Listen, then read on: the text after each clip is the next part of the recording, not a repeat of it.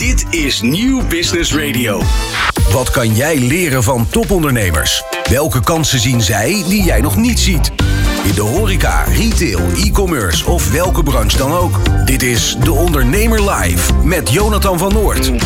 Ja, welkom terug. Leuk dat je kijkt en luistert naar De Ondernemer Live. Vandaag staat het in het teken van e-commerce. Geld verdienen dus met je website of webshop. Straks praten we met Mark van den Berg, specialist in e-mailmarketing. John Lin komt langs. Deze China-expert komt vertellen over de laatste trends en ontwikkelingen in het buitenland. Ja, dat allemaal dus in een bomvol tweede uur van De Ondernemer Live. Wat kan jij leren van topondernemers? Welke kansen zien zij die jij nog niet ziet? In de horeca, retail, e-commerce of welke branche dan ook. Elke ondernemer kent dezelfde uitdagingen. In De Ondernemer Live hoor je echte ondernemersverhalen. Elke dinsdag tussen 11 en 1 schuiven topondernemers en experts aan bij Jonathan van Noord op Nieuw Business Radio. Live meekijken kan via deondernemer.nl. Maar dan eerst naar het nieuws toe. Vandaag bracht de Kamer van Koophandel uh, het jaarrapport Bedrijvendynamiek 2023 uit. Daarin wordt duidelijk hoe het gaat met het bedrijfsleven in Nederland. En ja, komen de bedrijven bij of gaan er juist veel op de fles? Daarover praat ik met onderzoeker Joris Knopen, hoogleraar strategie en ondernemerschap. En uh, ja, uh, Joris, jij werkte mee aan dit onderzoek, hè? Dat klopt, ja. Uh, kan je uh, uh, in het kort samenvatten wat jullie precies hebben onderzocht? Nou, het, het jaarrapport kijkt eigenlijk naar de, de, de in het ondernemerslandschap. Dus precies zoals je net al samenvatte, hoeveel bedrijven starten er, hoeveel bedrijven stoppen er, hoeveel gaan er failliet. En, en zitten daar ook patronen in over sectoren en, en delen van het land. En dat doet de KVK sowieso al eens per kwartaal. Maar nu kijken ze eigenlijk terug op het, op het hele jaar 2023. En kijken hoe dat verschilt van de jaren daar, daarvoor. Ja, en dan is het een hele eenvoudige, bijna voetbalvraag. Wat zijn de belangrijkste uitkomsten? Ja, de belangrijkste uitkomsten is dat, uh, nou, je zou bijna kunnen zeggen, het, het ondernemerslandschap wat normaliseert. Uh, dus de, de groei van het aantal starters, die eigenlijk de afgelopen jaren, uh, met name in de coronatijd, heel hoog was, die vlakt wat af. Er komen nog steeds bedrijven bij, maar, maar minder dan, dan voorheen. Het aantal stoppers loopt echt op. Gaat naar 150.000 ongeveer op, op jaarbasis. En dat is, is vrij fors. En het aantal faillissementen normaliseert zich ook op het pre-corona niveau, rond de 3000 per jaar. Dus eigenlijk zou je kunnen zeggen, uh, het vertoont tekenen van een wat, wat afkoelende economie. Uh, iets minder kansen, waardoor er iets minder bedrijven bijkomen. En meer bedrijven die, die vrijwillig stoppen. Of zelfs door faillissement gedwongen worden om, om uit te stappen. Had je dit zien aankomen, deze uit, uitslag? Ja, een beetje wel. Eigenlijk zou je kunnen zeggen, veel mensen hadden het eigenlijk al, al eerder verwacht. En er werd eigenlijk al sinds alle steunmaatregelen voor bedrijven gewaarschuwd voor een, voor een faillissementsgolf. Nou, die is eigenlijk nooit echt, echt gekomen. En die zien we eigenlijk nog steeds niet echt. Dus het aantal faillissementen is wel opgelopen, maar nog niet hoger dan het voor corona was. En je ziet dat veel bedrijven eigenlijk ook niet wachten op faillissement, maar zelf al, al stoppen. Ja, dus die aantallen stoppers zijn veel groter. Uh, dus dat die echt oplopen is niet zo heel verrassend als je kijkt naar ja, de, problemen die er zijn met uh, terugbetalen van coronasteun, bela, bela, belastingachterstanden, et cetera. Um, daar gaan we het uh, straks iets dieper uh, op hebben, op die uh, thema's, Joris. Maar kan je nog heel even terugkomen op de branches die het lastig hebben? Ja, als je kijkt naar lastig hebben, zijn er eigenlijk verschillende redenen waarom het, het lastig kan zijn voor ondernemers. Dus een reden dat het lastig kan zijn is dat er echt vraaguitval is. Dus gewoon minder, minder economische kansen. En dat zien we bijvoorbeeld met name in, in de bouw. waar nieuwbouw ja, door allerlei regula vergunningen en zo problemen gewoon niet echt verder doorgroeit. En ja, de, de verbouw, uh, veel mensen hebben in corona een woning verbouwd, daar is de groei ook een beetje uit. Dus daar zie je meer ondernemers stoppen, omdat er gewoon wat minder, minder kansen zijn. Uh, datzelfde zie je in, in de horeca, in de, in de retail. Um, maar bijvoorbeeld een sector als de zorg, waar ook veel stoppers in zitten, heeft het eigenlijk veel meer te maken met ja, beleidsveranderingen. Uh, dus het, het, afremmen van, van zelfstandigheid als manier om je bedrijf te runnen in, in die sector uh, afspraken om minder inhuur te doen van ZZP'ers, waardoor mensen sneller weer kiezen voor, voor loondienst in plaats van een ZZP'erschap. Uh, dus de redenen waarom sectoren het, het lastig hebben, die, die kunnen verschillend zijn. Om uh, op die horeca nog even in te zoomen. Ik vind dat een interessante branche. Wat, wat valt daar zoal op? Ja, dus daar zie je het, het aantal faillissementen oplopen. En zo horeca is natuurlijk een, een branche waar ja, als, je, als je omzet of zeker je marges uh, tegenzitten, je wel vrij hoge vaste lasten hebt. Dus waar faillissement dan vrij snel om de hoek komt kijken. Er zijn sectoren, als jij uh, in de zakelijke dienstverlening werkt en je, je werkt bijvoorbeeld van het huis, heb je heel weinig vaste lasten. En zelfs als het dan wat minder gaat, kun je het heel lang uitzingen. in de horeca is dat lastig, met huren, energiekosten, noem maar op. dus daar zien we vooral dat de faillissementen wat, wat oplopen. en dat er wat minder stoppers zijn, omdat daar de andere exit-optie wat, wat vaker gebruikt wordt. Ja, nu kom je eigenlijk al bij een, uh, een thema wat ik, uh, wat ik ook hier op mijn lijstje had staan. Hè? stoppers, die zijn niet altijd failliet. Dat is vaak een, een, verkeerd beeld wat mensen hebben. Dat ze dan gelijk het koppelen aan faillissementen. Wat kan je over die verhouding zeggen? Stoppers zijn getalsmatig echt vele malen grotere aantallen dan faillissementen. Dus faillissementen hebben ongeveer, ongeveer 3000 op jaarbasis, stoppers over 150.000. ze zijn er heel veel. Uh, en de redenen voor het stoppen kan ook heel veel zijn. Hè? Van uh, iemand die met zijn bedrijf stopt om, omdat hij met, uh, met pensioen wil gaan, tot ja, een soort faillissement, maar net kunnen voorkomen door net op tijd te stoppen. En, en eigenlijk alles daartussenin. dus de stoppersgroep is veel diverser dan de, de groep faillissementen, maar getalsmatig vele malen groter. Maar als we dan toch uh, inzoomen op die uh, stoppersgroep. Uh, dus zijn het dan een soort de, de, de wat gezondere verhalen? Namelijk, hè, ik, ik heb de pensioensgerechtige leeftijd bereikt, dus ik, ik stop ermee. Of zijn het toch vooral wel de gevallen van nou, het was net geen faillissement? Uh, die, die eerste groep, dus die, die met uh, soort pensioen gaan, die zijn eigenlijk altijd geweest. En dat, dat, dat aantal fluctueert ook niet zo heftig. Hè? Dat is eigenlijk ieder jaar een redelijk voorspelbaar aantal van bedrijven waar, waar dat voor geldt. Uh, dus als je groei in het aantal stoppers ziet, komt dat meestal door bedrijven die er eigenlijk geen brood meer in zien en zelf stekker eruit trekken. we zagen bijvoorbeeld aan het begin van de coronatijd dat toen vrij veel bedrijven stopten. Uh, die zagen al die maatregelen komen en zagen ook wel de steun, hè, de NOW en de andere steunmaatregelen. Maar constateerden toen zelf van ja, op deze manier heeft het voor ons eigenlijk geen nut. En we voorkomen het stapelen van schulden en het voorkomen interen op onze reserves en we stappen nu al, uh, al uit. En eigenlijk is dat gezonder. Hè. Dus je kunt voorkomen dat je door je schuldenlast uh, eerst op je reserve inteert en, en dan eigenlijk alsnog failliet gaat. Ja, dan is het makkelijker om ook weer iets anders te gaan doen. dus stoppen is in die zin beter dan faillissement. Um, de meeste bedrijven zien wel aan van die kant gaan we op. Dus laten we nu zelf proberen de stekker eruit te trekken. Ja, en uh, je, je, nam het woord uh, al eerder in de mond, hè, die faillissementsgolf. Daar horen we eigenlijk sinds uh, ja, de eerste dag van, van corona en de maatregelen die erbij hoorden, horen we eigenlijk al dat die op komst is. Hij lijkt nog steeds uit te blijven. Wat is jouw beeld daarvan? Ja, dat is een hele lastige. Omdat ik zelf ook vaak begin van die, van die coronatijd vaak zei, die gaat komen.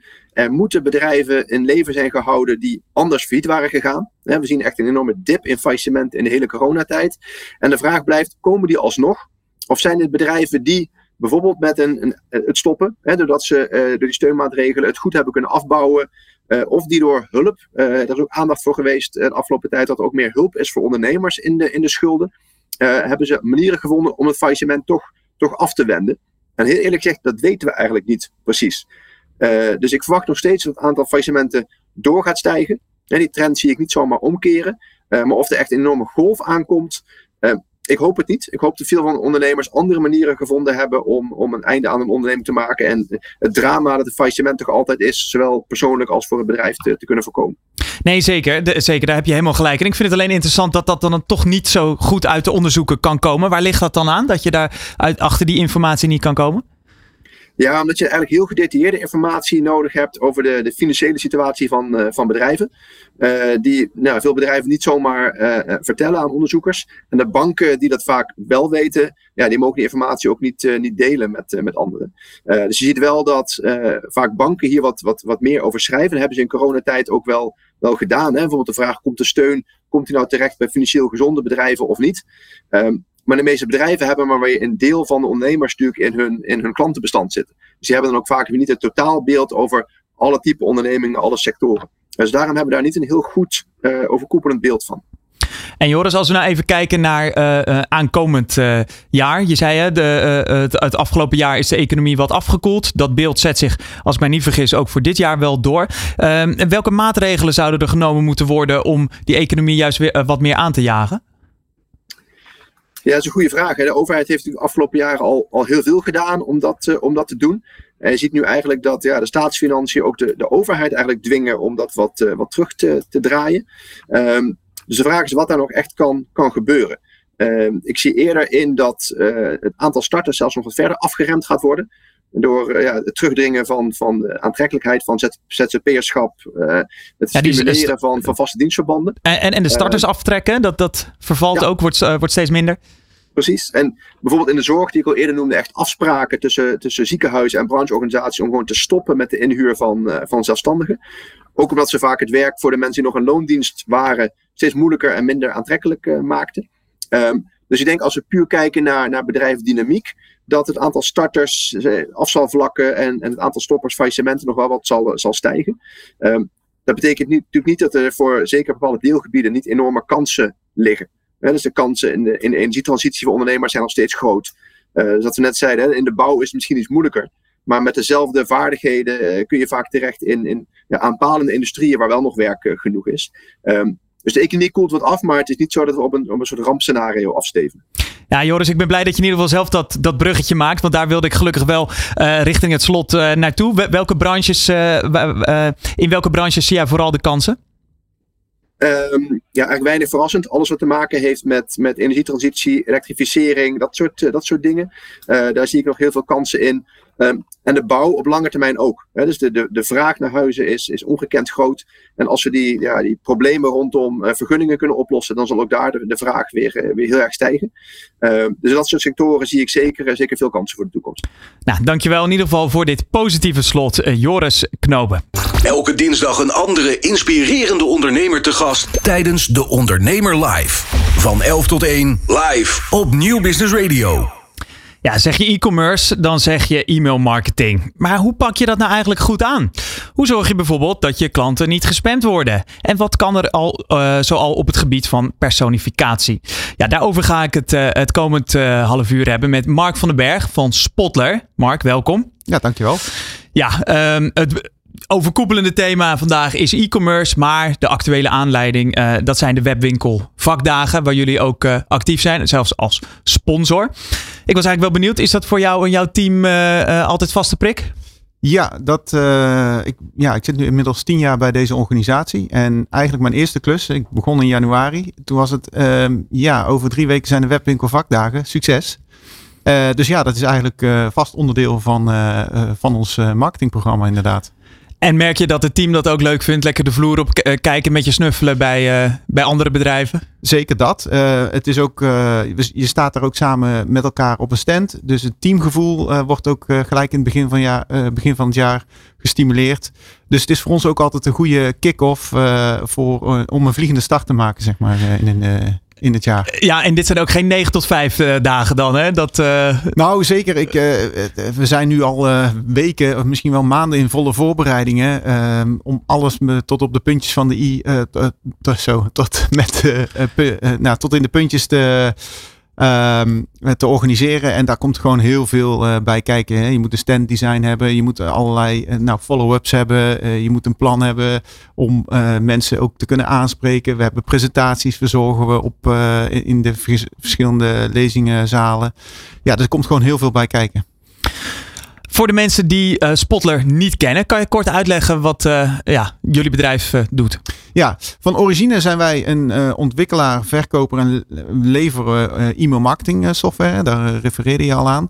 maar we zijn sinds 2016 onderdeel van een grotere groep, Spotler Group. En binnen die groep zitten meerdere marketingtechnologiebedrijven, dus ontwikkelaars van software.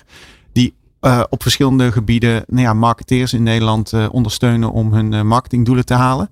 En je ziet steeds meer dat wij die, ja, die, die andere software adopteren en ook richting onze klanten brengen. Al dan niet uh, geïntegreerd uh, met elkaar, zodat ja, het gebruik van de data uh, heel erg nou ja, geoptimaliseerd wordt. Zodat je steeds verder kunt personaliseren. En steeds relevanter kunt zijn voor de ontvangers van je boodschappen. Dan vind ik het toch leuk. Hè? Dit, dit is een, een heel digitaal onderwerp. Die e-commerce markt, ja, dat speelt zich natuurlijk uh, allemaal op het, op het web af. Maar dan is eigenlijk een vakbeurs is wel iets waar jullie dus al weken mee bezig zijn. Dat vind ja. ik toch een soort leuke paradox.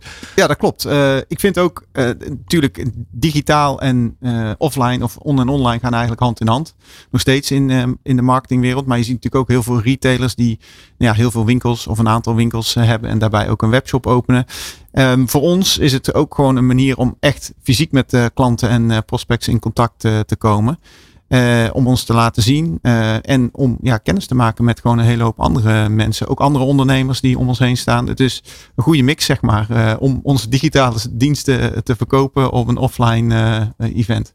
Ja, want ik, uh, ik zei het in het uh, eerste gesprek met, uh, met Marlene al van, van Thuiswinkel. Het viel me op, er was een statistiekje op, op de website. Dat we, bijna de helft van de bezoekers zijn ook ondernemers. Dus je hebt ook echt direct te maken met ja, de man of vrouw aan het roer. Dat lijkt me ook wel leuk. Zeker, want die hebben ook allemaal een uniek verhaal. een uniek concept. En daar zijn ze ook heel erg trots op. En, maar ze hebben ook allemaal de behoefte om, om dat verder te brengen, te groeien. En ze zijn daarin die beurs op zoek naar eh, tips, tricks, uh, informatie, maar ook naar, naar software die hun daarbij kan helpen. Dus ja, dat is altijd heel erg leuk om, om ook gewoon het gesprek aan te gaan. Ja, ik zat even op je cv te kijken op LinkedIn, maar eigenlijk zei je het zelf ook al. Al tien jaar werkzaam bij Spotler. Uh, waarom is dit zo'n interessante branche?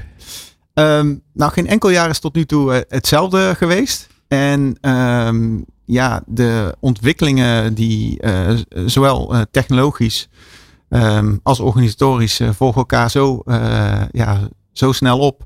je bent continu zelf, jezelf aan het ontwikkelen, maar je bent ook continu aan het leren. Dus ja, wat dat betreft vind ik het een, ja, een hele uitdagende branche en een, een heel uitdagend bedrijf. En als je dan een beetje uh, toespitst op die ontwikkelingen uh, in de branche, hoe heb je het ja, zien veranderen in die, in die tien jaar? Nou, tien jaar geleden, um, toen werd er al gezegd, e-mail is dood. Hè? Ja. En uh, toen uh, zagen wij onszelf steeds uh, verder groeien. De opkomst van social media, platformen die ja, steeds meer werden gebruikt. Dus toen zou e-mail wel weer naar de achtergrond verdwijnen. Maar elke keer zie je het weer, zeg maar, terugkomen. Als je heel specifiek kijkt naar het e-mail kanaal. En nu ook weer, hè, data is het nieuwe goud. Um, maar uh, e-mail is een kanaal waarmee je echt heel direct iemand uh, in zijn inbox kunt bereiken. En je gebruikt juist die data om die e-mail steeds persoonlijker en beter en relevanter uh, te maken. Maar het kanaal is nog steeds heel erg interessant voor e-commerce ondernemers. Ja, om mensen te verleiden om over te gaan tot conversie of uh, retentie. Of uh, in ieder geval de winkel of de website te bezoeken. Ik vind het toch altijd fascinerend dat zo'n trendwatcher dat dan even zo'n heel bout statement kan, kan maken. E-mail is dood. Ja. En dan tien jaar later blijkt hij er volkomen naast te zetten. Ja, het, het grappige is ook, al die social media kanalen, je moet jezelf registreren. Wat vragen ze dan? Je e-mailadres. Dus ja, e-mail is gewoon niet meer weg te denken, zeg maar, in, uh, ja, in, in het Nederlands of in, de, in, in het wereldlandschap eigenlijk. Het viel mij laatst op om een voorbeeld te geven. Ik ben uh, een beetje aan het oriënteren voor een nieuwe keuken. Op ja. een of andere manier komt dat dan in mijn Instagram voorbij als reclame. Dat vind ik ook altijd weer fascinerend hoe ze aan die informatie komen. Um, en uh, ik vond iets interessant. En jawel, het eerste wat ik, uh, wat ik moest doen was me inderdaad registreren voordat ik ook maar ja, iets van een offerte of, een, uh, of, wat meer informatie zelfs kon krijgen. Ja, je betaalt eigenlijk met je data voor de offerte of de brochure die je aan wil vragen. En ja, eigenlijk dat hele spectrum, hè, want je zegt Instagram. Um, op zo'n website, als je daar hebt, jezelf hebt georiënteerd ja, en je hebt, uh, nee, je hebt jezelf een beetje kenbaar gemaakt. Ja, dan kunnen uh, door het gebruik van uh, slimme dataplatformen die gekoppeld zijn, kan natuurlijk voor vervolgens worden geretarget van hey, als jij via een ander uh, kanaal uh, ergens online bent, dan kunnen we daar een aanbieding op doen. Ja, en voor je het weet is elke website één grote keukenreclame in mijn geval, want dan, dan weten ze ervan. nog even terugkomend op, op die e-mail. Je zei het er net al, hè, maar in de kern, waarom is het nu nog steeds een, een, relevant ja, medium, een relevante toepassing? Nou ja, omdat het, uh, uh, het is eigenlijk, je, je verstuurt massaal naar klanten of naar prospects of naar mensen die zich daarvoor hebben aangemeld een bericht. maar je komt persoonlijk in de inbox. En de inhoud van dat bericht is tegenwoordig ook door het gebruik van data voor iedereen verschillend te maken. Dus je kunt een heel groot bereik creëren. Um, en daarbij ook uh, heel persoonlijk communiceren met iedereen. Zodat de boodschap voor jou uh, vanuit dezelfde organisatie heel anders kan zijn als, als voor mij. Daar komen we straks op. Maar ik zit even nu met je mee te denken. Want ik heb ook regelmatig dat ik bijvoorbeeld mijn telefoonnummer moet achterlaten. Dat doe ik in sommige gevallen wel, als ik het dan vertrouw. Maar ik krijg vrijwel nooit een bericht, bijvoorbeeld in een, uh, uh, in een WhatsApp bericht. Wat, het, is wel, is wel interessant dat je dat uh, benoemt. Want um, ook daar hebben we technologie voor binnen onze organisatie. En we zien dat toch wel in toenemende mate um, ja, groeien. Allereerst, heel veel bedrijven gebruiken WhatsApp voor Business als klantenservice kanaal. Hè, dus waar je vragen kunt stellen over je levering of over je tickets of over het parkeren hier in het Mediapark. daar ken ik het vooral van, ja. Ja, uh, maar je ziet ook steeds meer dat uh, je moet daar uit, uh, volgens de telecomwet in, in Nederland moet je daar wel natuurlijk een permissie voor hebben. Maar als mensen dat achterlaten, dan zie je steeds meer bedrijven die ook WhatsApp in gaan zetten uh, ter ondersteuning van e-mail of sms of andere kanalen om boodschappen, uh, campagnes uh, bij ontvangers te krijgen.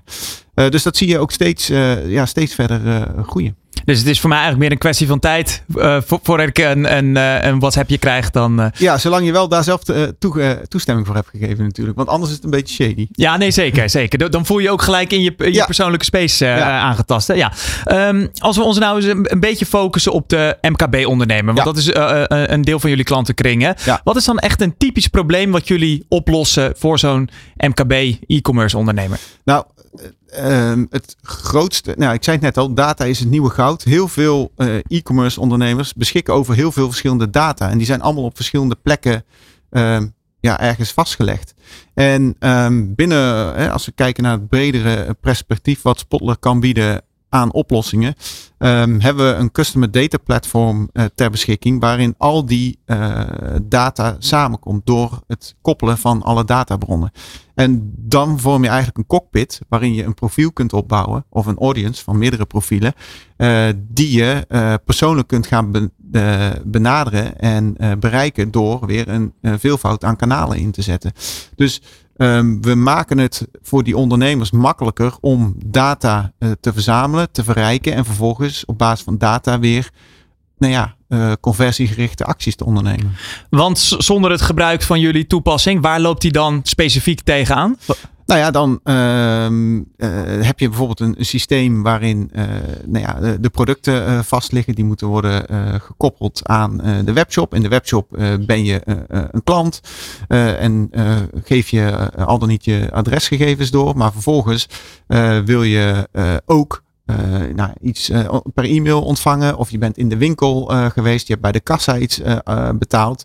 Alleen ja, dan weet je niet in de webshop gegevens dat die transactie heeft uh, plaatsgevonden. dus eigenlijk wil je een soort van, ja, nou, wat ik al zei, een, een, een dataplatform ertussen hebben die alles met elkaar verbindt, zodat we uh, je hele journey in kaart kunnen brengen en ook een volgende journey weer kunnen aanbieden. En begrijp ik dan goed? Ik, ik, ik, laat ik het. Ik, ja, ik, ik, ik, ik zit heel even gewoon aan een voorbeeld te denken. Stel je zal online een broek kopen bij een aanbieder en je koopt uh, in de fysieke winkel een shirt, dan ja. zorgen jullie ervoor dat ik niet getarget word met een e-mail van wil je ook nog een shirt hebben? Want dan weet je eigenlijk al, hey, die heeft hij in de winkel Exact, uh, exact. Gekocht. Dat is een nou, heel, heel concreet voorbeeld van hoe dat zou kunnen werken inderdaad.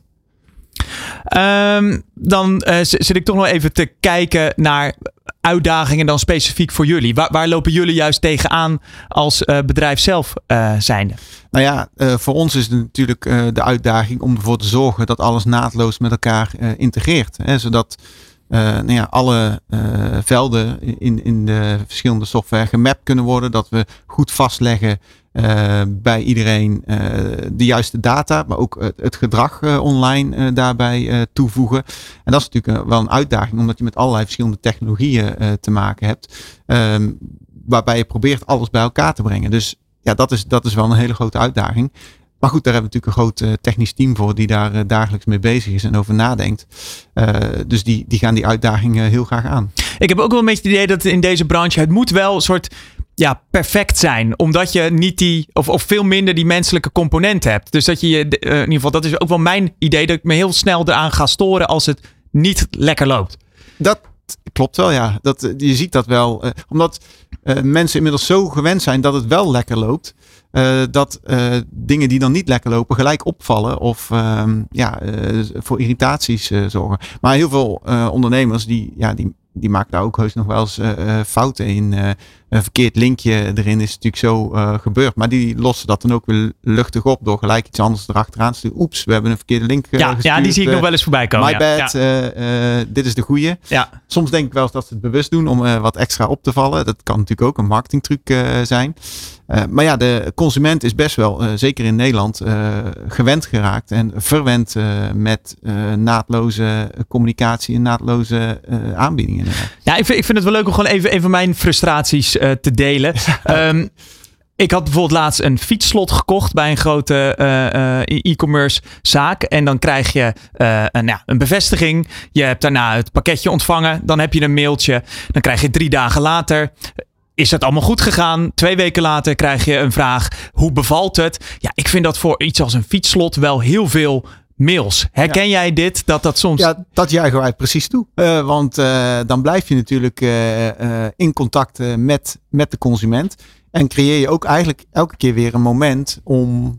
misschien bevalt het slot niet zo goed. dan wil je dat juist graag weten. En dan wil je ook in contact kunnen komen.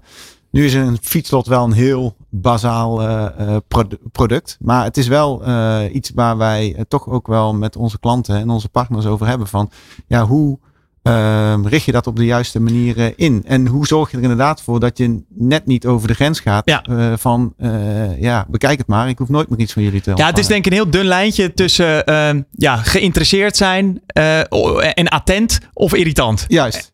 En, en dat, ja, dat, dan kom je denk ik ook weer uit gewoon echt op mensenwerk om dat aan te voelen.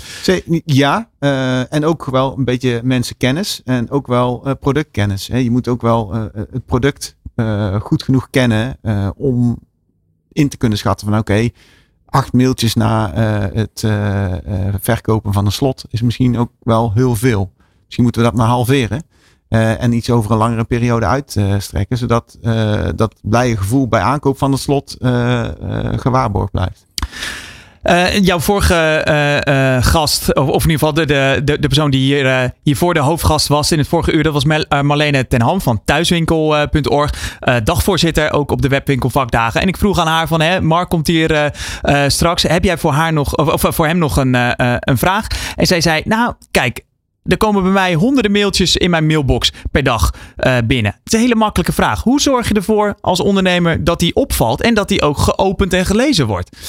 Nou, geopend en gelezen begint natuurlijk bij een uh, prikkelende onderwerpregel. En uh, wat we dan tegenwoordig noemen een snippet, hè, het bijzinnetje wat erbij staat.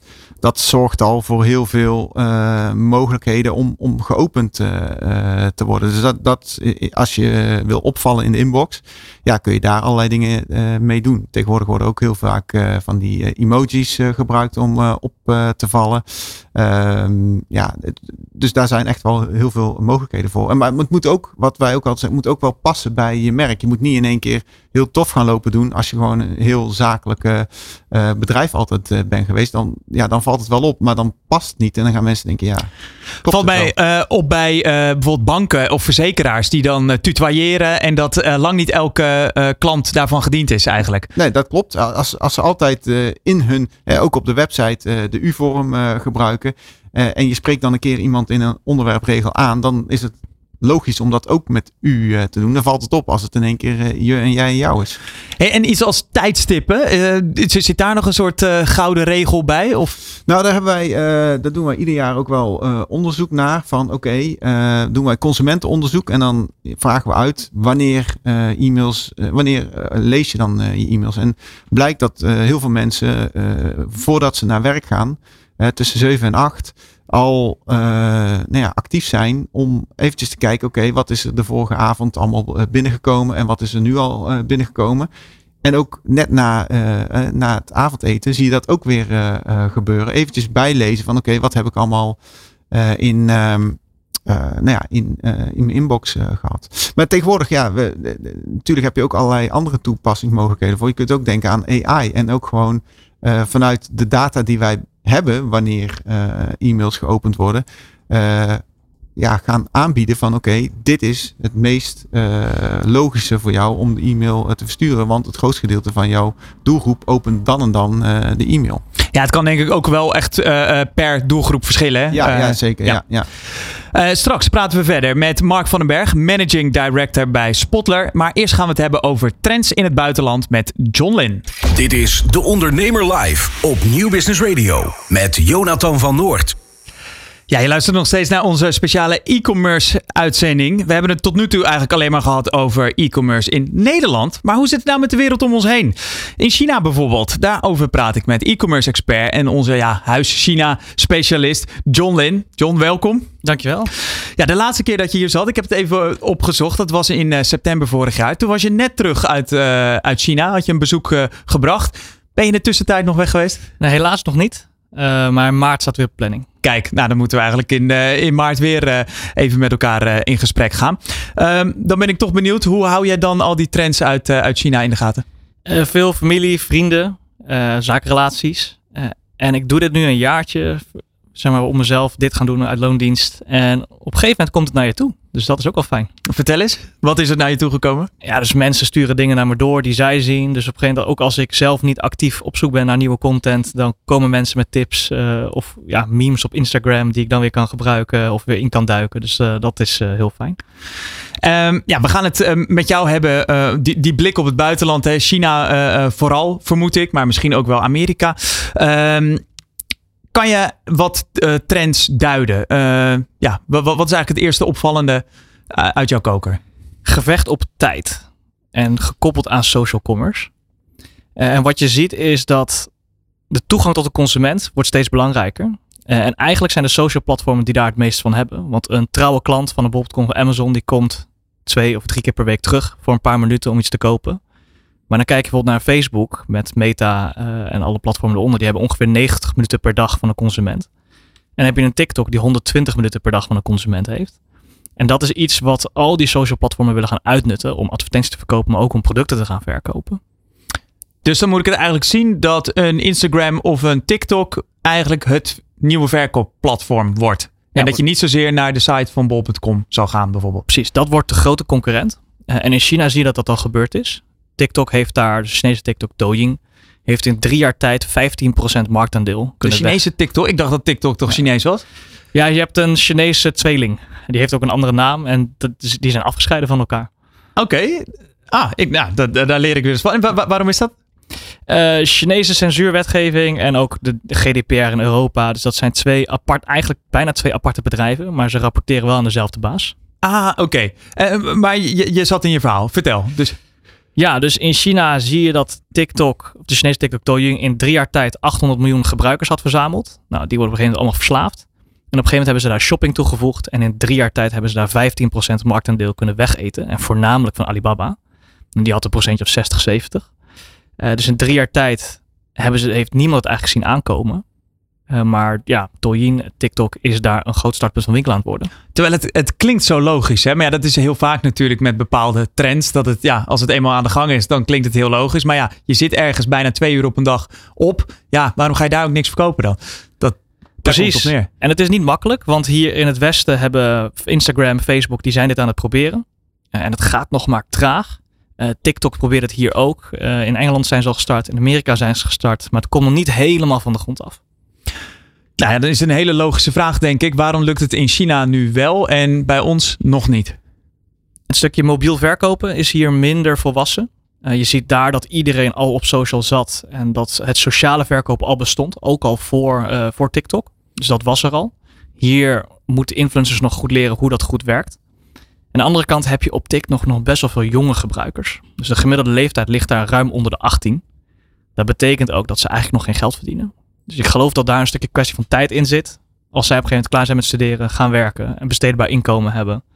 Ja, dan zijn die kinderen die al twee uur per dag verslaafd zijn, die gaan niet meer naar je Amazon of je Coolblue of je Bob.com. Ja, eer dat die uh, 1, 2, 23 zijn, uh, een eerste baan hebben, dan heb je gewoon een, een, een schitterend uh, klantenprofiel eigenlijk al uh, opgebouwd. Ja, precies.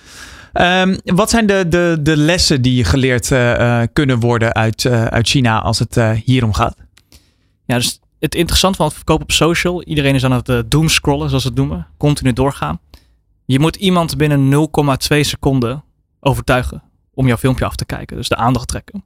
Dus hoe ga jij jouw merk, jouw product neerzetten op een manier dat je heel snel de aandacht kan trekken en iemand kan overtuigen op die manier de koopknop in te drukken?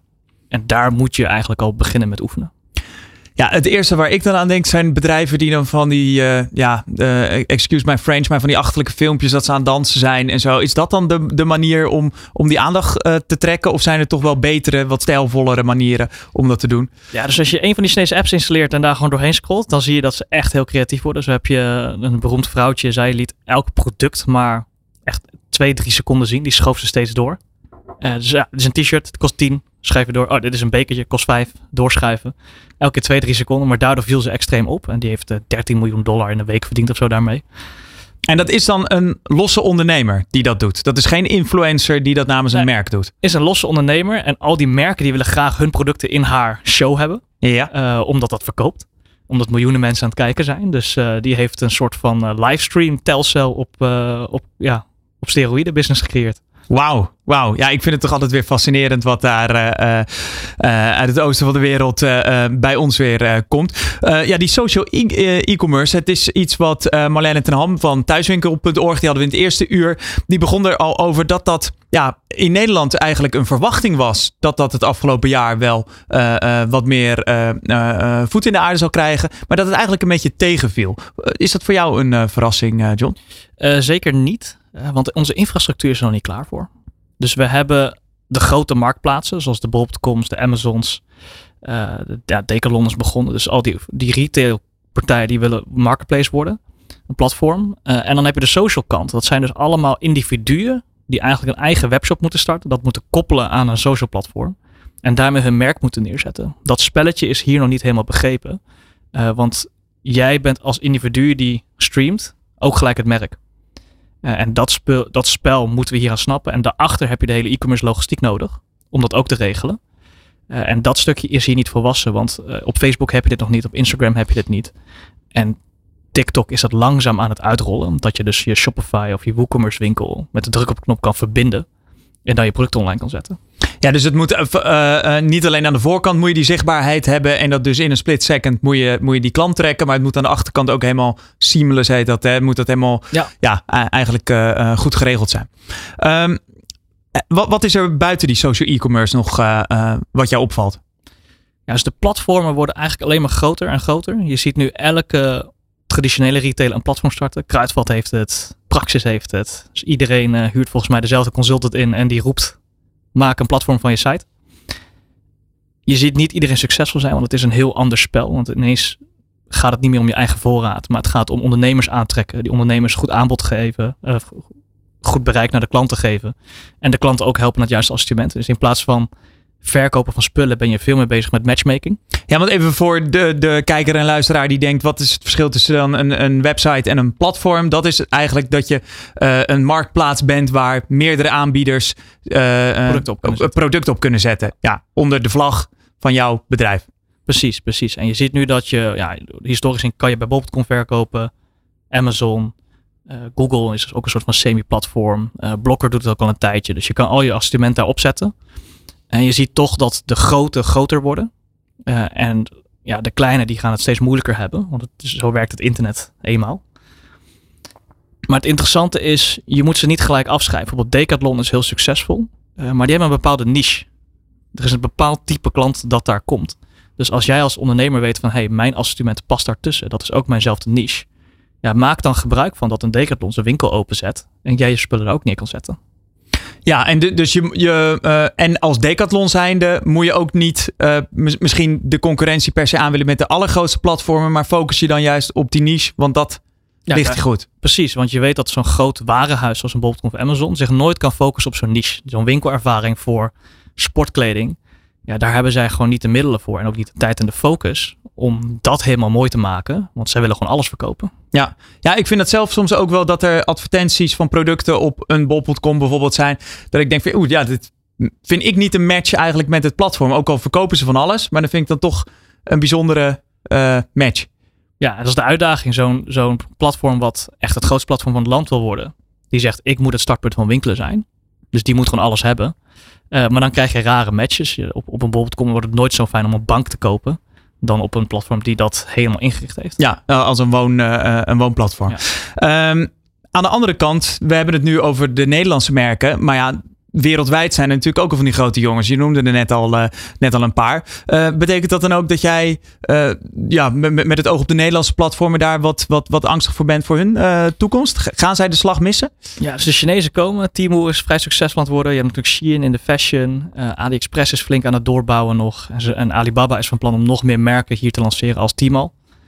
dus daar komt veel concurrentie deze kant op. En het lastige van die Chinese platform is dat zij de Chinese fabrieken direct verbinden. Dus als jij als ondernemer heel ja, platgeslagen een dozenschuiver bent, je koopt het in en je verkoopt het. Uh, dat businessmodel wordt steeds lastiger, omdat die Chinezen direct gaan verkopen en alle tussenschakels eruit snijden. Dus daar wil je als ondernemer van die op die platformen echt een eigen merk gaan creëren en waarde gaan toevoegen. Want op prijs ga je het gewoon niet redden tegen dit soort uh, altijd platforms. verliezen. Ja. ja. Uh, van den Berg, managing director bij Spotler. Als jij dit nu zo hoort, wat denk jij dan? Ja, dat is niet nieuw voor mij. Uh, ik, uh, ik herken dit uh, wel wat je zegt. Um, ik zie ook wel, hè, wij zijn ook heel erg bezig met WhatsApp voor commerce. En ik zie ook gewoon dat daar de Nederlandse markt gewoon ja, toch wat achterblijft in, in, in, in wat we daarin hadden verwacht. We zien bijvoorbeeld in WhatsApp voor WhatsApp commerce is bijvoorbeeld best wel groot gaan worden in het Midden-Oosten. Um, en uh, dat daar uh, zie je best wel veel uh, succescases van ja, verkopen direct via WhatsApp. Um, Want hoe, hoe moet ik me dat voor me zien? Een, een verkoop direct via WhatsApp? Nou, eigenlijk precies hetzelfde zoals het net werd geschetst met een Facebook en, een, of een Instagram. Um, je, je, kunt zeg maar je shop toevoegen aan WhatsApp. En als mm -hmm. je daar als ondernemer consumenten mee weet te bereiken. Dan kun je met één klik uh, op het linkje in WhatsApp een uh, transactie doen. In de shop. Moet inderdaad wel goed gekoppeld zijn aan, aan platformen als Shopify. en daar zit volgens mij nog een beetje de uitdaging. maar dat, dat, ja, dat werkt gewoon precies hetzelfde. John, hoe zie jij dat? De, de, waarom WhatsApp hier toch minder goed werkt dan, dan in het buitenland? Ja, dus één is een stukje gewoonte. En twee, het werkt gewoon minder goed. Als ik, als ik die Chinese platform ernaast leg, als je dan in WhatsApp hier uh, een transactie moet doen, dan word je toch weer omgeleid naar je eigen betaal-app. En dan ja, moet je ja. toch weer een account maken, toch weer e-mail indoen. En als je dan de Chinese TikTok pakt, dan heb je uh, je eigen TikTok-account. Je hebt je TikTok-wallet, waar je bankaccount aangekoppeld is. Je adresboeken, je logistieke voorkeuren. Dus het is daar letterlijk één knopje indrukken van koop. En alles wordt op de achtergrond geregeld. Ja, het is ook niet voor niks dat uh, Elon Musk van X eigenlijk zo'nzelfde soort platform uh, wil maken. Omdat hij gewoon wel ziet dat daar de kracht van dat soort uh, apps in uh, zitten. WeChat is volgens mij ook nog ja. steeds heel groot in uh, China. Ja, als je daar, daar, daar regel je alles mee. Dat is gewoon je lifeline, denk ik. Maar dan, dan, dan, ben ik toch benieuwd. Is dat iets vanuit historisch gezien? Doen wij dat niet? Alles, al je gegevens, alles verbinden aan één zo'n platform? Of zitten wij ook gewoon simpelweg met een regel, ja, probleem, althans, hè? met, met regelgeving die dat tegenhoudt? Ja, dat scheelt per land. Want als je kijkt bijvoorbeeld naar Amerika, waar Amazon onbetwist het startpunt van winkelen is, ze hebben meer dan de helft van de markt. Daar, bestaat, daar heb je alles. Je hebt ja, je Prime account, je, je, wachtwoorden, je creditcards, je adressen. Alles zit erin. Dus daar begint het shoppen en daar doe je alles. Dus daar heb je één app die in theorie al die aankopen voor, jou kan doen. En kijken naar Europa, dan zijn we toch iets meer gesegmenteerd. De marktleider heeft 30, 40, misschien 40 procent. En soms als het Amazon is 45 procent. Maar dat betekent dat je heel veel van de markt nog over hebt voor andere partijen. Ja, en dan in segmentatie, dan heb je vaak één winnaar, dat is Google. Want dan ga je maar op Google zoeken naar het product of de winkel. In segmentatie betekent ook dat je de bank machtig is qua betaalopties. Of de creditcardmaatschappij en niet Amazon met hun gekoppelde accounts. En dat segmenteren zorgt ervoor dat er altijd een andere partij is die meer macht heeft in dat spel.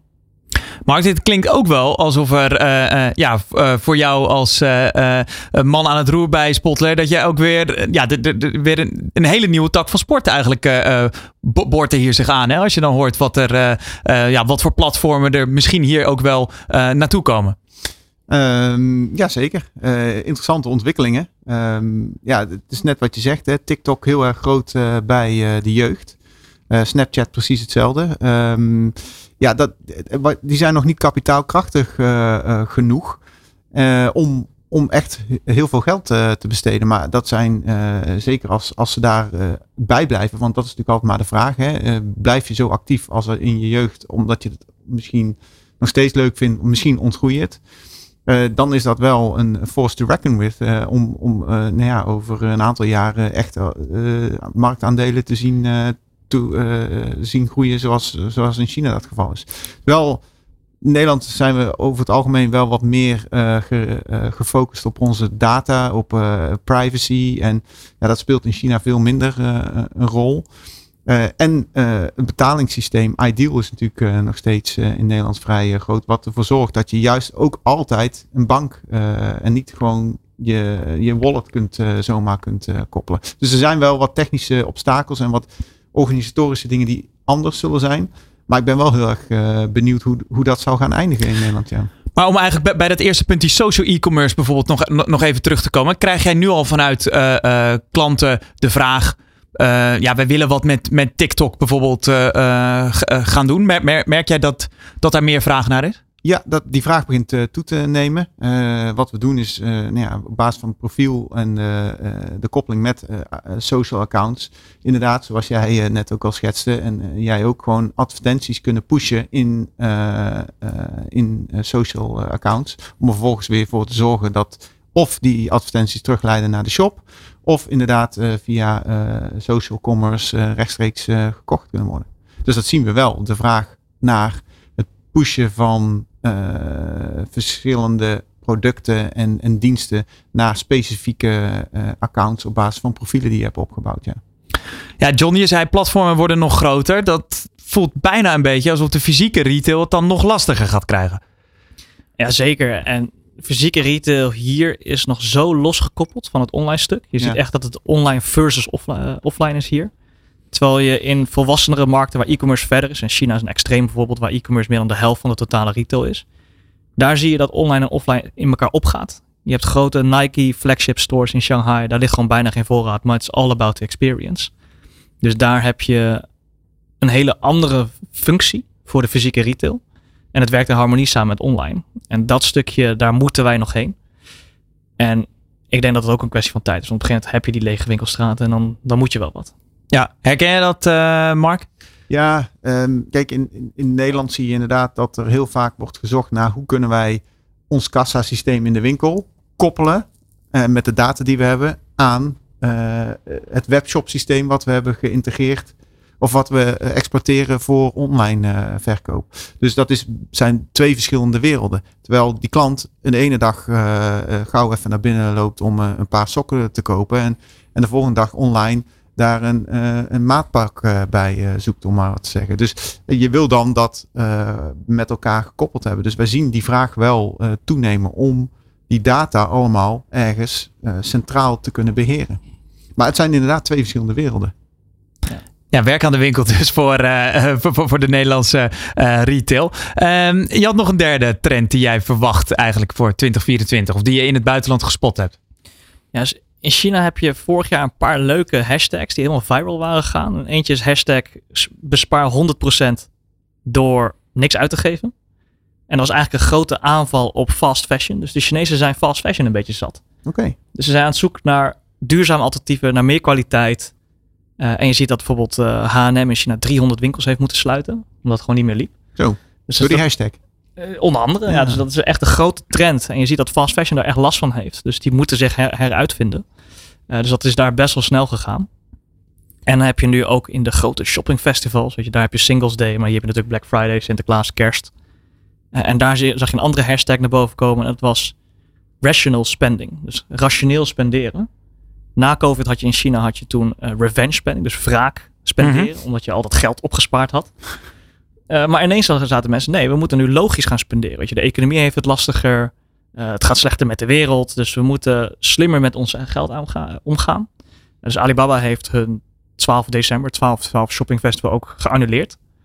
dus je ziet daar hele andere rare bewegingen met consumenten die eigenlijk nu slimmer willen spenderen, bewuster willen spenderen. En dan zie je heel veel merken nu op inspringen. Uh, dus dat betekent ook volgens mij voor een gemiddelde ondernemer die uit China sourced, China inkoopt, dat volgens mij ook geen makkelijker wordt om duurzame dingen te vinden. Ja, want uh, nog heel even mijn beeldje is juist dat er vanuit China, vanaf uh, Chinese merken en platformen, juist heel veel hele goedkope uh, kleding deze kant op komt. Dat, dat je echt een, een winterjas voor geloof ik 11 euro kon, kon krijgen. Dat je echt dacht van dat, dat kan bijna niet goed zijn. Ja, en dat is, wij zien hier vooral de onderkant van de markt, van de Chinese markt. en die Chinese platformen die heen komen, die weten dat strategisch ook. Want als zij direct moeten concurreren met de bol.coms, Amazons, de C-discounts in Frankrijk, dan wordt het heel lastig. Dus het, eigenlijk is een beetje guerrilla-strategie. Van je valt ze aan op een plek waar ze geen antwoord hebben. En dat is de bodem van de markt. Daarnaast zijn die Chinese bedrijven extreem uh, algoritmisch aangedreven. Dus ze, ze, maken hun beslissingen data gedreven. En eigenlijk als zo'n Shine of Shein ziet, hey, de goedkope kleding doet het beter. Daar wordt veel van gekocht en dat zorgt ervoor dat mensen langer in mijn app blijven browsen. Dan gaan ze daar meer van leveren. Uh, dus eigenlijk willen wij hier ook in het Westen, die goedkope dingen. Ik wil zeggen, we hebben het aan onszelf te danken dat we uh, van die hele goedkope kleding uh, hebben. En in, in China, waar het vandaan komt, daar weten ze nu al, nu al beter. Dat het, Ja, en je hebt, je hebt juist die, die middenlaag, dus de merken zoals Puma, Adidas, Nike. Die hebben het in China nu heel lastig, omdat zij ook Chinese concurrenten hebben. Dus Li-Ning is de Chinese Nike. Hoge kwaliteit sportschoenen, grote sportambassadeurs. Ze sponsoren ook grote sportevents. Dus eigenlijk dezelfde marketingstrategie als een Nike. En de Chinezen vinden dat helemaal tof, want ze hebben een eigen lokaal alternatief. Ik vind het toch wel leuk om heel even het bruggetje naar markt te maken. Heb jij, uh, John, vanuit China ook voorbeelden hoe bijvoorbeeld e-mail marketing verandert? En hoe, hoe, passen ze in, in China e-mail toe? e-mail bestaat daar eigenlijk niet. Dat vind ik een verrassing. Ja, dus consumenten gebruiken bijna geen e-mail. Nou ja, als, als het moet, maar daar gebeurt bijna geen marketing op. Uh, binnen bedrijven. Niemand mailt naar elkaar. Iedereen gebruikt of WeChat of een andere chat-app. Ja. Uh, dus China is app-first uh, land. Hè? Die hebben eigenlijk die stap van dat hele e-mail als bedrijfsdingen overgeslagen, heb ik het idee. Ja, precies, precies. Dus WeChat is your way to go. En ja, als ik daar in China een koffie haal bij Luckin Coffee, de grote Starbucks concurrent, dan moet ik via WeChat een QR-code scannen om überhaupt een koffie te bestellen. Dus dan hebben ze ineens mijn data, mijn klantprofiel. Uh, ik krijg elke dag nog steeds twee coupons doorgestuurd met hey, 10, uh, 10 yuan korting op je volgende koffie. uh, maar dan heb je dat hele idee van klantdata en directe klantconnectie, dat is daar een soort van opgelost. Ja, maar moet ik wel zeggen, wij hebben wel een Chinese agent zitten die Chinese klanten bedient met een e-mailplatform wat wij ontwikkelen. Um, is natuurlijk helemaal, uh, want je moet een joint venture uh, aangaan, dus uh, helemaal standalone. Maar er komt maandelijks best wel een flink verbruik van e-mail vanuit China bij ons de boeken in. Dus, dus het, het, het, het, wordt wel gebruikt, maar het, het is minder groot dan in. Nee, ja, WeChat, dat is inderdaad, daar leven mensen mee. kijk, als je een dagje bent afgesloten van je WeChat-account, dan kun je niks daar, daar denk ik je kan niet betalen. Dus. Nee, daarom, dat bedoel ik. Dus e-mail is secundair. Ja. Uh, vlieg, mijn vliegtickets en zo, die krijg ik nog wel via e-mail. Ja. Uh, Mark, kijk jij nou een soort verlekkerd naar, naar, naar China als je ziet van nou, wat, wat de mogelijkheden zijn? Of uh, vind, vind je het ook wel gewoon interessant genoeg wat er in Nederland allemaal gebeurt? Jawel, uh, zeker wel. We zijn uh, vooral gefocust op de Europese uh, markt. En zoals je aangeeft, dat is een vrij gesegmenteerde en gefragmenteerde markt. En dat biedt juist uh, voor ons uh, type organisatie met alle gefragmenteerde marketingstukken technologie die we bieden, heel veel kansen en mogelijkheden om dat juist bij elkaar te brengen. En op onze manier een soort van, uh, nou ja, all-in-one, eigenlijk meer best of oplossing te ontwikkelen, waar heel veel Europeanen, Europese markt is, heel veel profijt van hebben. neemt niet weg dat we natuurlijk wel in de gaten houden wat er allemaal om ons heen in de wereld gebeurt en of we daar ook kansen en mogelijkheden zien die we weer hier kunnen gebruiken. Ja, dat moet als wel. Ja. John, tot slot. Het toverwoord van 2023 was toch wel AI. Als we dat uh, doortrekken naar 2024, zijn er op dat gebied nog, nog trends? Ja, dus vorig jaar had je in China een hele bijzondere trend. ja, dus AI wordt er al overal ingezet. En je hebt daar heel veel van die social influencers, die voor van alles worden gebruikt door bedrijven, maar ook zelf als merk worden neergezet. En je hebt nu bedrijven in China die AI inzetten om van jou een digitale versie te maken. Dus je geeft 10 minuten van je eigen oude videomateriaal. En je, je boekt ze 1000 dollar over ongeveer. En dan heb jij je eigen één op één model. Uh, de ChatGPT schrijven de teksten voor je uit. En dan kan je 24/7 streamen zonder zelf iets te doen. Doordat dit zo makkelijk is geworden daar, is in 2023 zijn de salarissen van de influencers en de, de online hosts met 20% afgenomen. Omdat ja, je kan een, een, een avatar laten doen eigenlijk. Precies. En die avatar lijkt sprekend. De gemiddelde gebruiker ziet het verschil niet. Dus je ziet al grote impacten van die toepassingen van AI. Wauw. Wist jij die al bekend mee, Mark? Nee, daar was ik niet bekend mee. Ik wist wel dat je met AI soort van af, maar dat dat ook op zo'n schaal wordt eh, ingezet, eh, dat wist ik niet. Nee. Ja, ik, we, we zijn bijna door de tijd heen. John, ja, laten we in maart, april, als jij weer in China bent geweest, maar weer eens afspreken. Want hier kunnen we uren over blijven praten. Mag ik je hartelijk danken, John Lin. Maar natuurlijk ook Mark van den Berg, Managing Director bij Spotler. Ja, dat was hem weer. Deze e-commerce aflevering van De Ondernemer Live. Volgende week zijn we weer terug. Dan gewoon met een normale uitzending. eh, tussen 11 en 1 op Nieuw Business Radio. En De Ondernemer. Dit is De Ondernemer Live op Nieuw Business Radio met Jonathan van Noord.